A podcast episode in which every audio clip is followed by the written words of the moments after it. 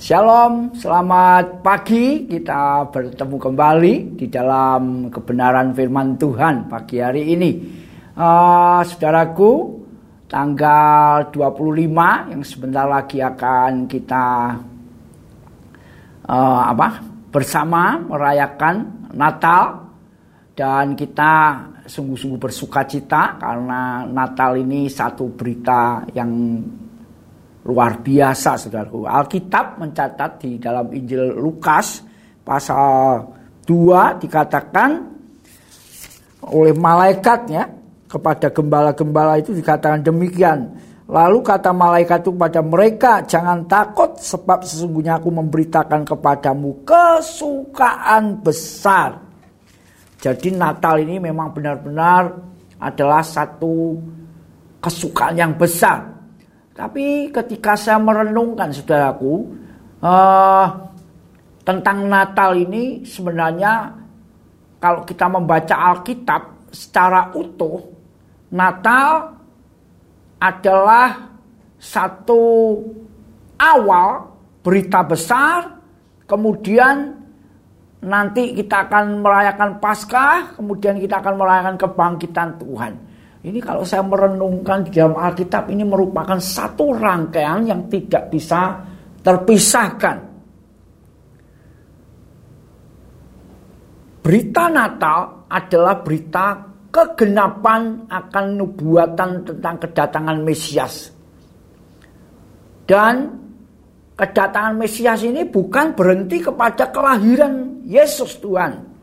Tapi nantinya berita ini akan terus menerus harus diingat oleh orang percaya yaitu masuk di dalam Paskah saudaraku ya. Dan tidak berhenti di situ tetapi dilanjutkan dengan peristiwa yang besar yaitu kebangkitan Sang Mesias itu.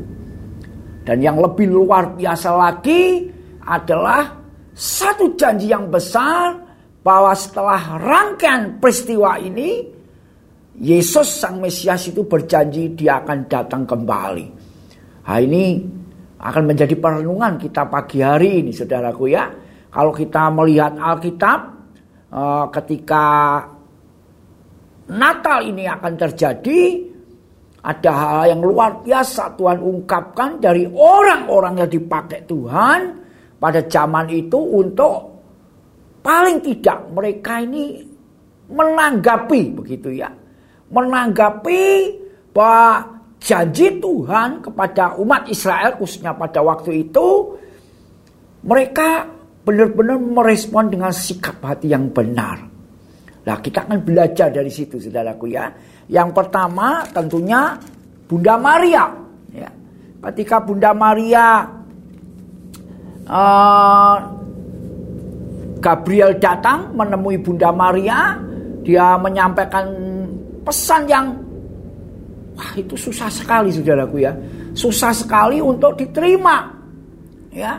Karena apa? Maria seorang perawan dan meskipun dia pertunangan tapi dia belum menikah dan dia mendapat kabar bahwa dia akan mengandung. Wah, ini ini berat saudaraku ya. Belum menikah, mengandung. Wah, kalau zaman itu ya sudah hukumannya mati dirajam. Tapi kita melihat respon yang luar biasa yaitu dari Bunda Maria yang tertulis dalam Injil Lukas pasal 1 ayat 38 ya. Dikatakan begini oleh Maria. Kata Maria, sesungguhnya aku ini hamba Tuhan. Ya. Jadilah padaku menurut perkataanmu itu. Jadi ini sikap hati yang perlu kita teladani dari Maria ya hari-hari ini, hari-hari ini di samping kita benar-benar mengingat akan Natal peristiwa 2000 tahun yang lalu ada satu contoh sikap teladan yang kita baca dari Alkitab yaitu lewat Bunda Maria.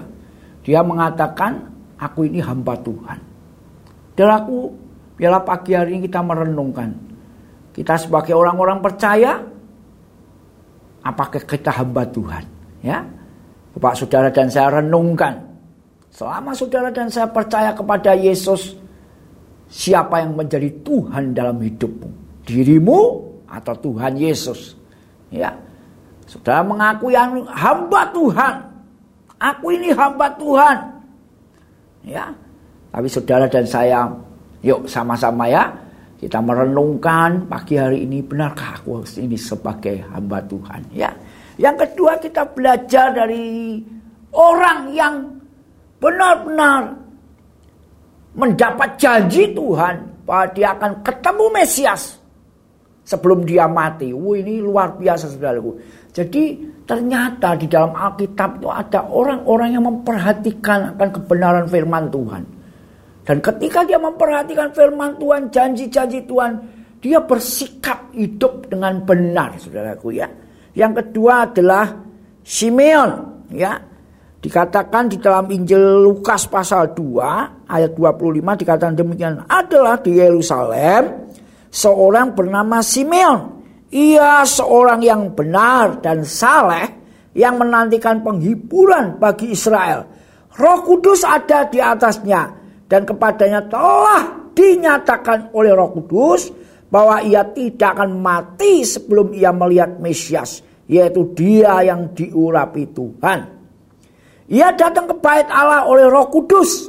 Ketika Yesus anak itu dibawa masuk oleh orang tuanya untuk melakukan kepadanya apa yang ditentukan hukum Taurat, ia menyambut anak itu dan menatangnya sambil memuji Allah katanya. Sekarang Tuhan biarlah hambamu ini pergi dalam damai sejahtera sesuai dengan firmanmu. Sebab mataku telah melihat keselamatan yang datangnya daripadamu yang telah engkau sediakan di hadapan segala bangsa, yaitu terang yang menjadi pernyataan bagi bangsa-bangsa lain dan kemuliaan bagi umatmu Israel. Jadi ini teladan yang kedua yang perlu saudara dan saya renungkan. Simeon dapat janji Tuhan. Ya, seperti saudara dan saya mendapat janji Tuhan. Tapi sikap Simeon ini luar biasa saudaraku ya. Pertama, dia hidup benar. Kedua, dia hidup dipimpin oleh Roh Kudus. Jadi dia benar-benar menantikan Sang Mesias itu dengan sikap yang benar, saudaraku ya. Tadi saya singgung bahwa Mesias, Yesus Tuhan itu akan datang kembali. Ya, ini peristiwa Natal yang terbesar nanti ketika Yesus datang kedua kali karena dia datang bukan sebagai bayi tapi dia datang sebagai raja segala raja. Jadi hari-hari ini kita meneladani sikap Simeon ini. Ketika mendapat janji Tuhan, kita benar-benar mau ya seperti Simeon hidup benar, hidup dipimpin oleh Roh Kudus. Dan yang ketiga ada satu orang yang luar biasa lagi yang ditulis di Alkitab, ya, namanya Hana. Ya, kita baca di pasal 2 ya. Dikatakan ayat 36 lagi pula di situ ada Hana, seorang nabi perempuan, anak Fanuel dari suku Asyir. Ia sudah sangat lanjut umurnya, sudah kawin ia hidup tujuh tahun lamanya bersama suaminya. Dan sekarang ia janda dan berumur 84 tahun. Ia tidak pernah meninggalkan bait Allah dan siang malam beribadah dengan berpuasa dan berdoa. Dan ketika itu ia juga datang dan ketika itu juga datanglah ia ke situ dan mengucap syukur kepada Allah dan berbicara tentang anak itu kepada semua orang yang menantikan kelepasan untuk Yerusalem. Jadi ini nabi yang namanya Hana ini dia juga mendapat satu janji yang luar biasa. Bahwa dia nanti akan ketemu sama Mesias, saudaraku ya. Dan sikap hatinya luar biasa. Ya menikah tujuh tahun, tidak tahu umurnya waktu setelah menikah dan suaminya meninggal itu dia umur berapa. Menurut perkiraan saya loh ya. Kalau zaman itu orang menikah masih muda ya mungkin dia umur ya 17 tahun dia menikah hidup tujuh tahun bersama suaminya, jadi mungkin dia umur 24 tahun. Dan dikatakan oleh Alkitab dia sekarang berumur 84 tahun.